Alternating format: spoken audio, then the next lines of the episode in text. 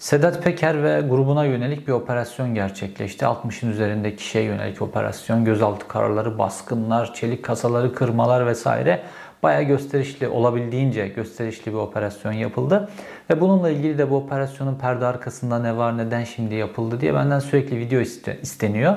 Ben de yeraltı dünyasını, Sedat Peker tarafını ve diğer tarafların hepsini olabildiğince yakından incelemeye çalışıyorum.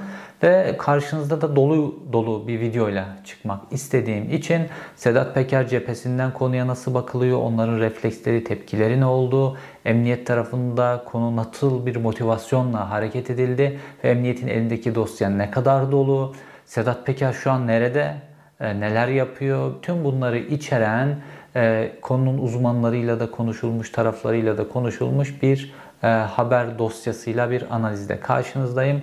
Huzurlarınızda Sedat Peker'e yönelik son operasyonun analizi ve dosyası.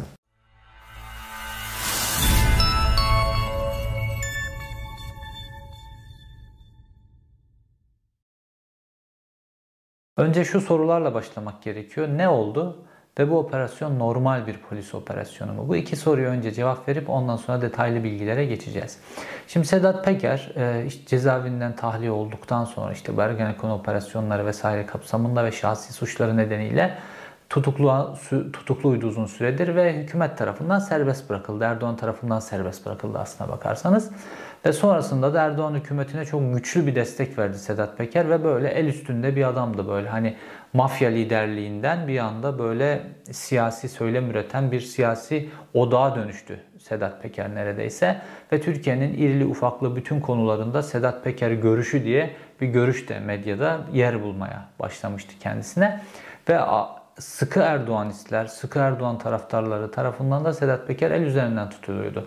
İşte şimdi mesela TRT Ana Haberi e, sunan Ersoy Dede Sedat Peker için hayırsever iş adamı gibi tweetler atıyordu. İşte en sıkı Erdoğanist diyebileceğimiz Akit gazetesinin iftarına Sedat Peker onur konu olarak ağırlanıyordu. En önemli masaya konuyordu. Bir tarafında işte e, Akit'in başyazarları Abdurrahman Dilipak filan bunlar oturuyordu. Böyle itibarlı, hayırsever filan bir adam ve Sedat Peker de çıkıyordu Erdoğan'ın muhalifler için kanınızda banyo yapacağız, sizi bilmem elektrik direklerini asacağız, Boğaziçi Köprüsü'nden sallandıracağız. Her türlü tehdidi savuruyordu. Ve Sedat Peker'e miting ortamları da veriliyordu. İşte Rize'de, orada, burada her yerde miting yapabiliyordu Sedat Peker binlerin katılımıyla. Ne oldu? Bu noktaya geldik ve şu an Sedat Peker'e yönelik bir operasyon gerçekleşti ve bu operasyon normal bir operasyon mu ve neden yapıldı, şimdi yapıldı? Bu sorunun cevabı çok önemli. Bir sürü teori ortaya atılıyor Sedat Peker'e yönelik. İşte Çakıcı ile olan alan açmak için Suriye silahları vesaire vesaire. Ben e, ulaşabildiğim bilgiler e, itibariyle bu operasyonun perde arkasında başka bir konu olduğuna ulaştım ve bunun detaylarını size anlatacağım. Şimdi bu operasyon normal bir operasyon mu? Şimdi bildiğimiz polis operasyonlarında polis hem kamuoyu desteğini arkasına alabilmek için hem de yargının, savcının elini güçlendirebilmek için daha fezleke aşamasındaki bilgilerden bir kısmını medyaya sızdırır. Özellikle sağlam bilgileri sızdırır ve dolayısıyla operasyonun haklılığını kamuoyunu ikna etmiş olur. Şimdi bu Sedat Peker operasyonunda ortaya sızlananlar ne? Ortaya dökülenler, polisin medyaya servis ettikleri ne? Şunlara bakalım. İki şey servis ediliyor. Bir operasyonun ne kadar büyük bir operasyon olduğu. İşte Sedat Peker'e yönelik Trabzon'da, Kocaeli'de, İzmit'te, e, İstanbul'da, Ankara'da operasyonlar oldu. 60 tane adam alındı filan. Böyle bir büyüklük e, sergileniyor. İkincisi de Sedat Peker'in şatafatlı hayatıyla ilgili bazı görseller. İşte o evinin giriş kapısı, evinin o büyüklüğü, ihtişamı, lüks jip. Ondan sonra evinin içerisinde bir tane çelik kasayı kırmışlar filan kesmişler. Onun görüntüleri gibi görüntüler servis ediliyor. Peki suç nerede? Servis edilen suç yok burada ve normal polis operasyonlarının dışında bir operasyon olduğunu bize gösteriyor. Çünkü önce suçlar ifşa edilmeliydi. Polis böyle yapar. Sağlam operasyonlarında polis ve bir grubun üzerine gerçekten gitmek istiyorsa polis önce suçları ifşa eder. E, bazı dosyalarda da Türkiye'nin geleneğidir. Olmayan suçları da medyaya servis edilir vesaire. Ama bu operasyonda baktığımızda Peker ne yapmış, hangi iş adamına çökmüş, bir yerden haraç mı almış, uyuşturucu mu varmış, bir adam mı öldürülmüş, ne var? Bunların bunların hiçbirisi yok. Sadece operasyonun görkemine ve büyük bir operasyon yaptığına polisin ilişkin bilgiler var. Şimdi bu sadece polis muhabirliğinden gelmiş, yargı muhabirliğinden gelmiş herhangi bir gazetecinin gözünden bu nedir biliyor musunuz? Bu bir şov operasyonudur. Gerçekten o gruba yönelik bir operasyon yapılmıyordur, bir şov yapılıyordur. Ve bu şovu, şovu da ancak operasyonun büyüklüğüyle gösterirsiniz. Fakat o grubu gerçekten hem kamuoyunun gözünde hem yargıda hem yargı aşamasında yok edecek o sağlam delilleri hiçbir zaman kamuoyuyla paylaşmazsınız. Belki de elinizde böyle deliller yoktur. Şimdi bu şova, bu e, e, boş operasyona neden ihtiyaç duyuldu? Ve Sedat Peker acaba bu operasyonun içini boşalttı mı ve Sedat Peker şu an nerede ne yapıyor? Şimdi bu konulara geleceğiz ki bu konunun kilit noktası Berat Albayrak'tır ve bu operasyonun perde arkasındaki motivasyon noktası Tayyip Erdoğan'ın damadı Berat Albayrak'tır. Öyle başka konular, çakıcı, vakıcı vesaire bu işin içerisinde yok. Temel nokta Berat Albayrak. Peki Berat Albayrak, Sedat Peker'in kendisi bizatihi yurt dışına çıkmasına neden olan şeyin Berat Albayrak'ın kendisi hakkında İstanbul Adliyesi'nde bir dosya oluşturdu. İstanbul Emniyeti'nde bir dosya oluşturdu. Kendisini gözaltına aldırtacağı bu nedenle de yurt dışına çıktığını bizzat video ile açıkladı. Fakat bu operasyon gerçekleşmedi. Sonrasında bir suskunluk anlaşması imzalandı. Sedat Peker işte bir taraftan konuşuyordu. İstanbul'da başka işte yeraltı dünyasından gruplar işte bu Umraniye ekibi vesaire onlar konuşuyordu. Sonra polis küçük bir Sedat Peker ekibine, küçük bir Ümraniye ekibine vesaire bir operasyon yaptı ve hepsine dedi ki video falan çekmeyin kardeşim. Dedi ve bir suskunluk anlaşması imzalandı ve Sedat Peker de Berat Albayrak'la ilgili dozu düşürdü ve e, ondan sonra bu suskunluk anlaşmasına bütün taraflar sadık kaldılar. Sedat Peker de Balkanlarda işlerini yürütmeye çalıştı ve Türkiye'de onu Balkanlardan getirecek güçlü bir hamle yapmadı ve bu suskunluk anlaşması devam etti. Fakat Tayyip Erdoğan'ın Berat Albayrak'la ilgili bazı ihtiyaçları doğdu. Şimdi Berat Albayrak biliyorsunuz olaylı bir şekilde Instagram üzerinden istifa etti vesaire. Ve Tayyip Erdoğan da 3 ay 4 ay ağzına adını almadı Berat Albayrak'ın.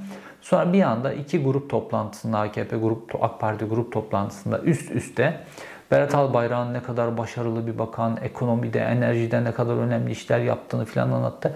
Tek suçu benim damadım olmak. Hatta başınıza Berat kadar taş düşsün filan, damat kadar taş düşsün gibi söylemlerle bir anda ön plana çıkarmaya çalıştı Berat Albayrak. Fakat bu reklam Berat Albayrak'ın partiye dönmesine yetmedi. AK Parti'nin kongresinde Berat Albayrak'a yönelik öyle bir destek oluşamadı ki öncesinde daha önce bunu anlattım. Berat Albayrak eliyle Berat Albayrak üzerinden teşkilatlara para pompalanmasına rağmen. Fakat Tayyip Erdoğan Berat Albayrak'ı yeniden kazanmak istiyor. Çünkü ailesinin önemli bir ferdi. Emin Erdoğan başta olmak üzere arkasındalar. Ve Berat Albayrak işte hmm, Merkez Bankası Başkanlığında yapılan değişiklik Berat Albayrak'a bir darbeydi. Merkez Bankası Başkanı gönderildi. İşte Berat Albayrak'ın e, hazzetmediği fakat Berat Albayrak'a rağmen getirilmiş bazı bürokratlar temizlendi. Ve Berat Albayrak'ın mevzularından bir tanesi de Sedat Peker'di.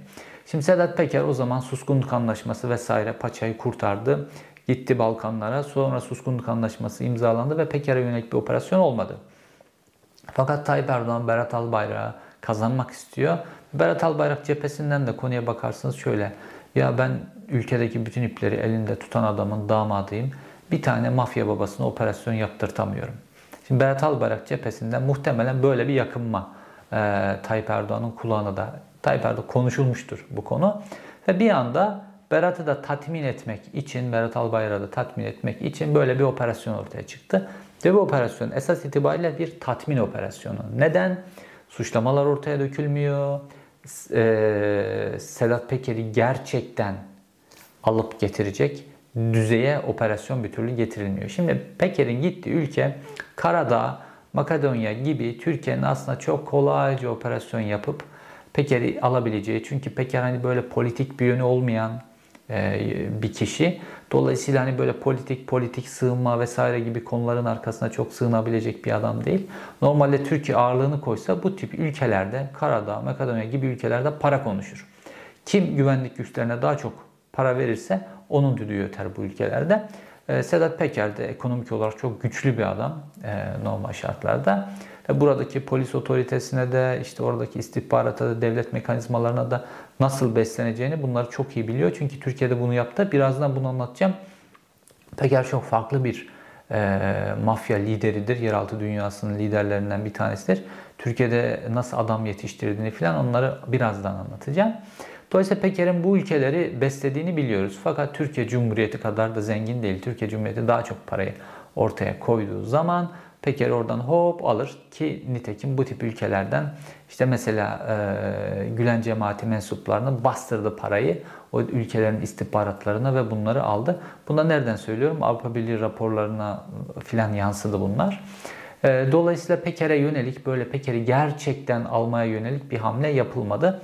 Fakat Berat Albayrak'ın da bir şekilde tatmin edilmesi gerekiyordu ve Berat Albayrak'ın o araştırmasını, çalıştırmasını yaptığı eski İstanbul Emniyet e, Müdürü döneminde çünkü İstanbul Emniyet Müdürü de değişti ve İstanbul Emniyet Müdürü'ne Mehmet Ağar'ın e, çok önemli adamlarından bir tanesi geldi. Oturdu ve bu Mehmet Ağar'ın adamı da şu anki mevcut İstanbul Emniyet Müdürü de öyle yeraltı dünyasının güçlü figürleriyle hayatta çatışmaz. Dolayısıyla önceki Emniyet Müdürlüğü Emniyet Müdürü döneminde hazırlatılmış bir dosyaydı. Bu dosyayı bir şekilde polis operasyona çevirdi ama olabildiğince kof bir operasyona. Şimdi bunu nereden biliyoruz? Sedat Peker cephesinden biliyoruz. Normalde Sedat Peker kendisine yönelik böyle canını yakabilecek güçlü bir operasyon yapıldığında bunlara yönelik tepkiler ortaya koyar. İşte geçmişte işte birkaç kere gözaltına alındı, tutuklandı, hapis yattı falan. 10 yıla yakın hapiste geçirdi hayatı. Bunlara yönelik tepkileri, açıklamaları filanla böyle Sedat Peker ortada bir adamdı. Ve en son Berat Albayrak'ın hazırlattığı bu dosya üzerine yurt dışına çıktığında da böyle iki video ile böyle aslında çok önemli mesajlar verdi. Elimdeki bilgileri açıklarım mesajıydı bunlar. Fakat bu operasyon sonrasında Sedat Peker cephesinde bir suskunluk var. Ve Sedat Peker o suskunluk anlaşmasına halen daha uyuyor. Demek ki bu suskunluk anlaşması halen daha yürürlükte. Dolayısıyla Sedat Peker tarafı yeni bir video çekmiyor. Sedat Peker tarafından yeni bir tepki yok. Ve Sedat Peker'in ta eski deyimiyle yeniden olduk suç örgütü. Şimdi Sedat Peker suç örgütüne yönelik bir operasyon gerçekleşti. Fakat olabildiğince boş bir operasyondu. Ee, polis tarafından içi boşaltılmış, İstanbul Emniyet tarafından içi boşaltılmış, yapılmış göstermelik bir operasyondu. Peker'in canı da öyle yanmadığı için Peker cephesinden de öyle bir tepki yok. Sadece eşinin bir tepkisi oldu. O da işte e, evini aramaya gelen özel harekat polislerinin e, otomatik silahlarla işte çocuklarının da bulunduğu odaya girmesiyle ilgili. Eşi diyor ki işte ben avukatım diyor. Hiç avukatlık yapmadım ama avukatım böyle çocukların odasına böyle ağır makineli tüfeklerle giremezsiniz filan diyor.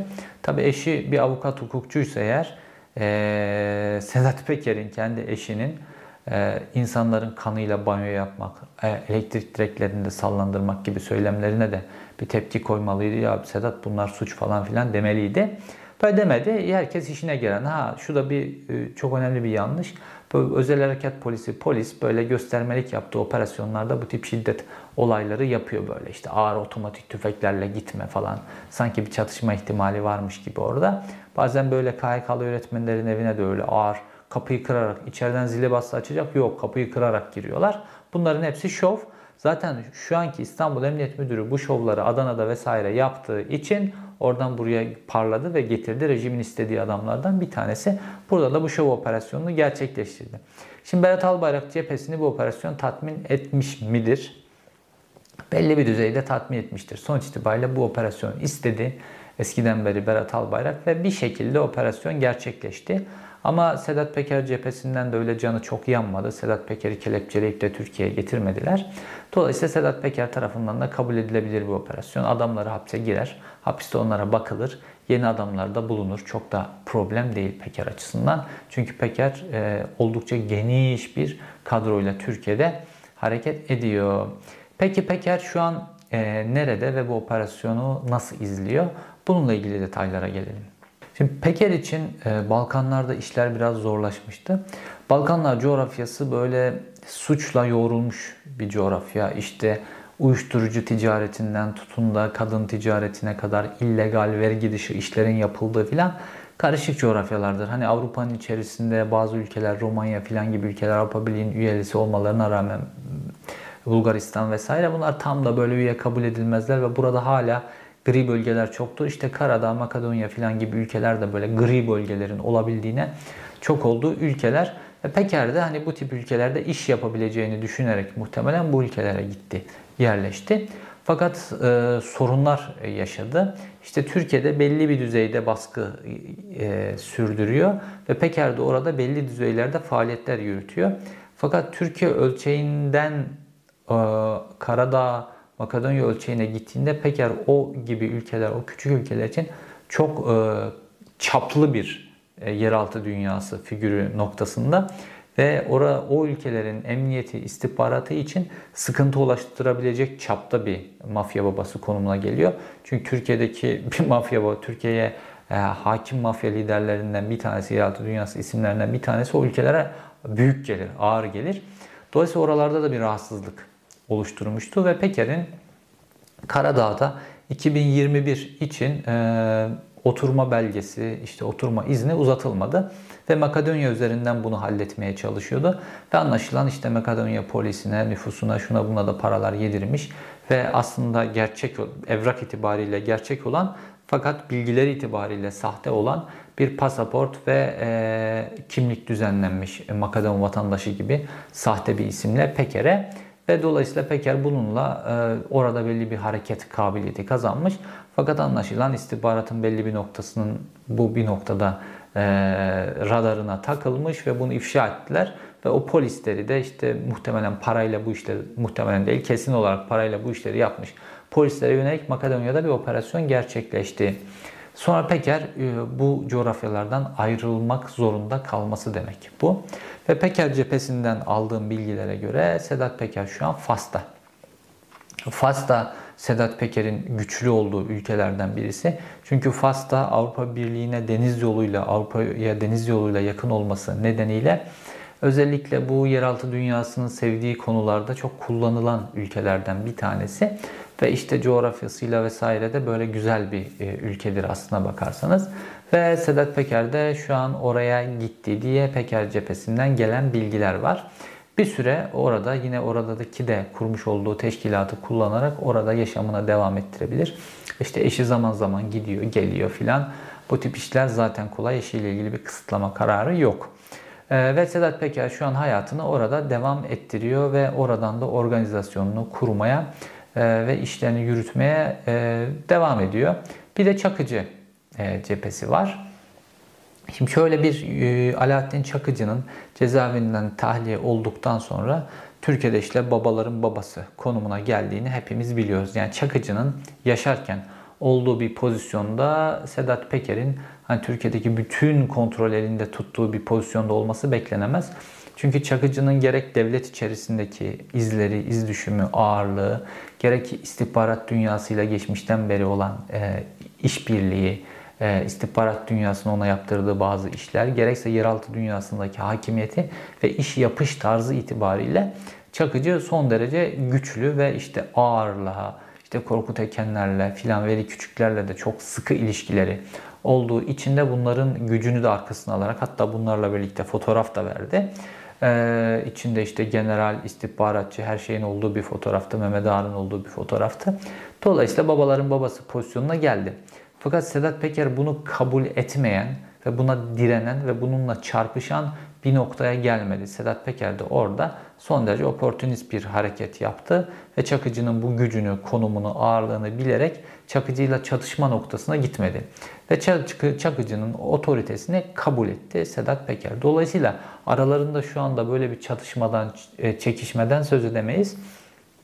Peker zamanını bekliyor. Çakıcı bir gün rahmetli olduğunda ya da çaptan iyice düştüğünde, çok yaşlandığında onun yerini doldurabilecek şu an e, etrafta öyle büyük bir e, mafya grubu, büyük bir lider, yeraltı dünyası ismi yok ve dolayısıyla kendisi o konuma aday. Şu anda en güçlü aday diyebiliriz. Fakat şu an sırasını bekliyor. Sabırla sırasını bekliyor. Bu yeraltı dünyasında sabır çok önemlidir. Sabırsız hareket yapanın kellesi gider. Bu yeraltı dünyasında böyledir. Ve o raconları vardır kendi içlerinde ve bunlara uyulması gerekir. Dolayısıyla hani Çakıcı'ya yer açmak için Peker'in temizlendiği filan gibi konular evet yani e, Çakıcı'nın konumunu oturtmak için işte o Mehmet Ağarlar vesaireler arkasında olduklarını çok açık biçimde belli ettiler.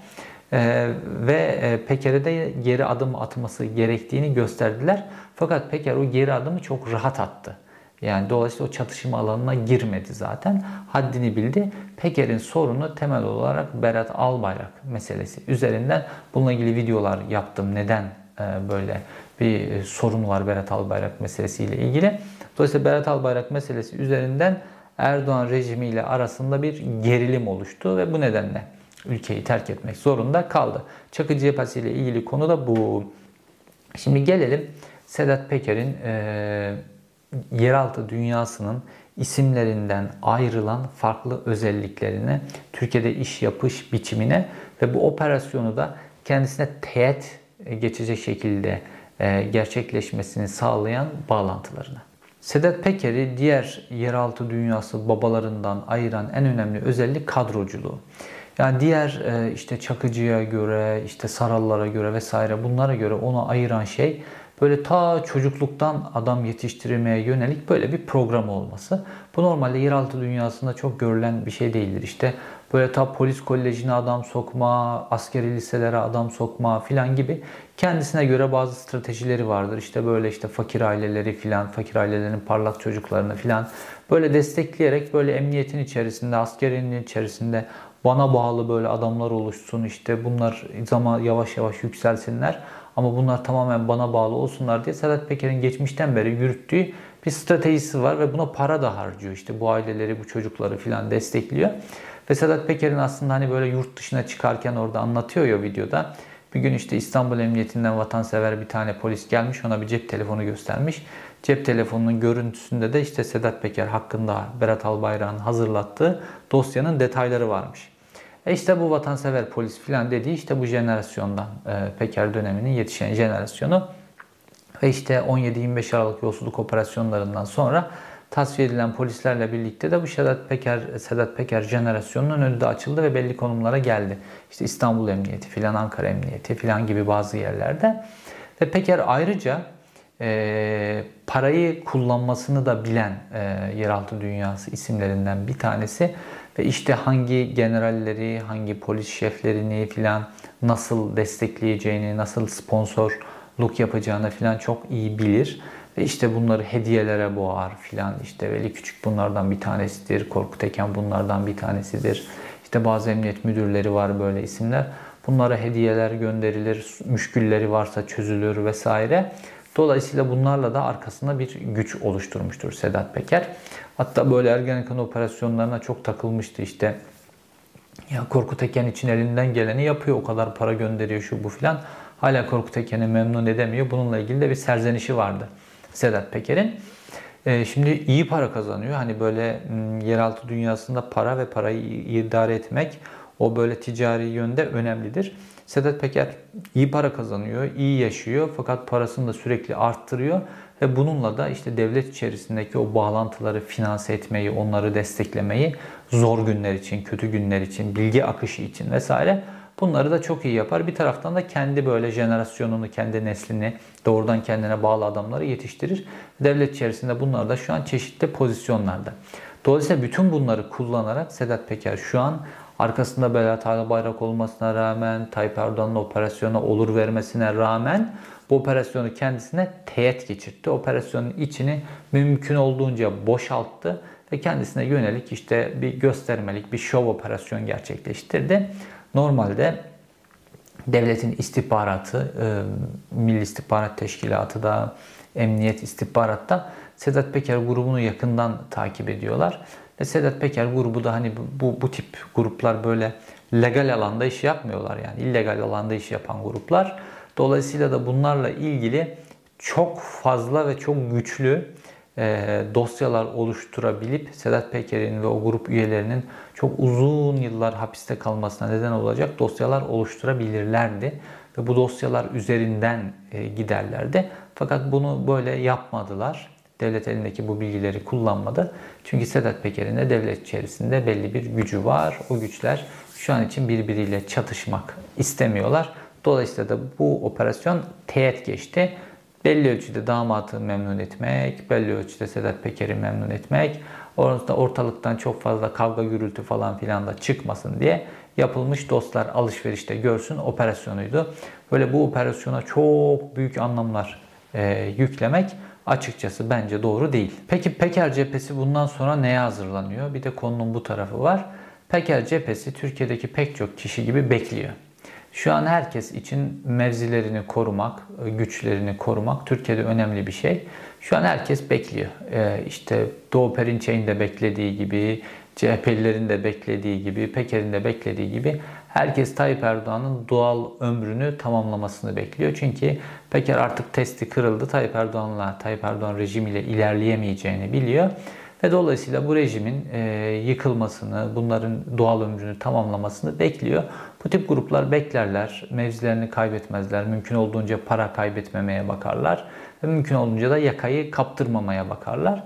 Şu an Sedat Peker açısından durum kontrol edilebilir bir durumda. Bir operasyon yapıp emniyet, işte hükümet vesaire Berat Albayrak tarafı tatmin edildi. Kendisi işte ülke değiştirmek zorunda kaldı ama işte Allah'ın ülkesi çok. Ee, Güney Amerika'ya da gidebilir, başka ülkelere de gidebilir. Parayla oturum alacağınız, parayla dokunulmazlık satın alabileceğiniz ülke çok dünyada. Dolayısıyla Peker bunları idare edebilir. Para sorunu da yok. Ee, şu an Peker bekleme pozisyonunda bu rejimin, Erdoğan rejiminin vesaire güç kaybetmesini bekliyor. Ondan sonra işte kendisine göre dönüp yeni ülkede kendisine göre yeni bir pozisyon alacak. Sedat Peker operasyonu özetle böyle. Bu operasyona böyle çok büyük politik ve pol, polisiye anlamlar yüklemenin bir anlamı yok. Bu operasyon bir dostlar alışverişte görsün operasyonuydu. Ee, bu operasyonu ciddi yapabilecek tek şey Sedat Peker ve grubunun işlediği suçların ifşa edilmesi, iddianame aşamasında, polis fezlekeşi aşamasında ortaya çıkması. Henüz bununla ilgili hiçbir işaret yok. Polis sadece işte çelik kasayı nasıl kestim, ondan sonra kaç tane özel harekatçıyla gittim Peker'in videosuna vesaire bunları paylaşıyor. Bunlar tamamen göstermelik, şov bilgileri. İzlediğiniz için teşekkür ederim. Bir sonraki videoda görüşmek üzere.